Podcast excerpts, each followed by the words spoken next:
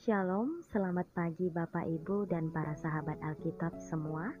Semoga kita semua ada dalam lindungan Tuhan Yang Maha Esa dan sedang ada pada kondisi yang baik-baik saja terhindar dari semua penyakit. Dan pada hari ini, renungan kita terambil dari 1 Timotius 5 ayat 1 sampai dengan 10. Janganlah engkau keras terhadap orang yang tua melainkan tegurlah dia sebagai bapa. Tegurlah orang-orang muda sebagai saudaramu, perempuan-perempuan tua sebagai ibu, dan perempuan-perempuan muda sebagai adikmu dengan penuh kemurnian.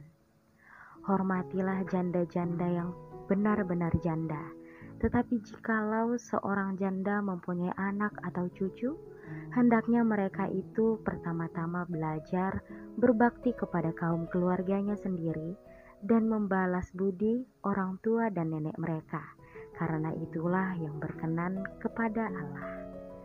Sedangkan seorang janda yang benar-benar janda, yang ditinggalkan seorang diri, menaruh harapannya kepada Allah dan bertekun dalam permohonan dan doa siang malam tetapi seorang janda yang hidup mewah dan berlebih-lebihan, ia sudah mati selagi hidup. Peringatkanlah hal-hal ini juga kepada janda-janda itu, agar mereka hidup dengan tidak bercela.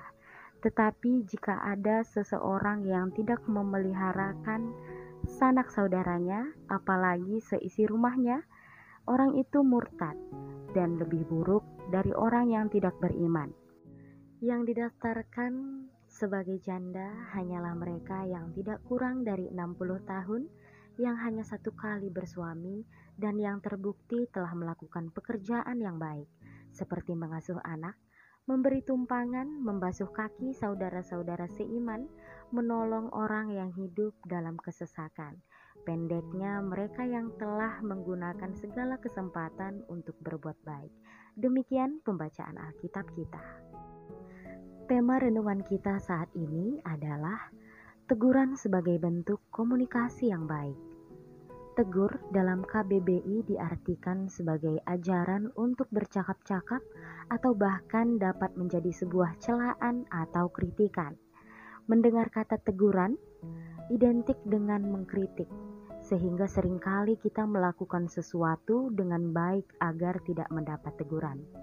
Paulus memberikan nasihat yang praktis tentang bagaimana kita harus bersikap dalam memberikan teguran kepada sesama dengan rasa hormat layaknya kepada keluarga kita sendiri. Di dalam suratnya juga Paulus mengelompokkan berdasarkan rentang usia yang berarti kita harus menegur sesuai dengan usia orang yang ditegur. Dengan demikian, teguran dapat menjadi sebuah hal untuk menjalankan komunikasi dengan lebih baik. Paulus juga menekankan agar kita juga mau untuk peduli terhadap sesama, terlebih kepada mereka yang benar-benar membutuhkan bantuan kita. Dalam hal ini adalah janda-janda. Namun, jika kita melihat lebih luas, maka bukan hanya para janda, tetapi juga kepada semua orang dengan berbagai kondisinya. Tuhan mengingatkan kita melalui firman ini bahwa teguran yang kita lakukan harus bersamaan dengan pemeliharaan. Artinya, setelah teguran itu dilakukan, kita juga membantu untuk memberikan solusi yang terbaik dengan jalan pemeliharaan melalui komunikasi yang baik dan dibangun dalam rasa kekeluargaan. Tidak dapat dipungkiri juga bahwa kita harus terus mengintrospeksi diri dan mau untuk menerima teguran juga dari orang lain agar kita mampu untuk bertumbuh bersama dalam ajaran yang benar sesuai dengan firman Tuhan. Selamat membangun komunikasi yang baik dalam rangka tumbuh bersama menjadi hamba Allah yang sejati. Salam Alkitab untuk semua.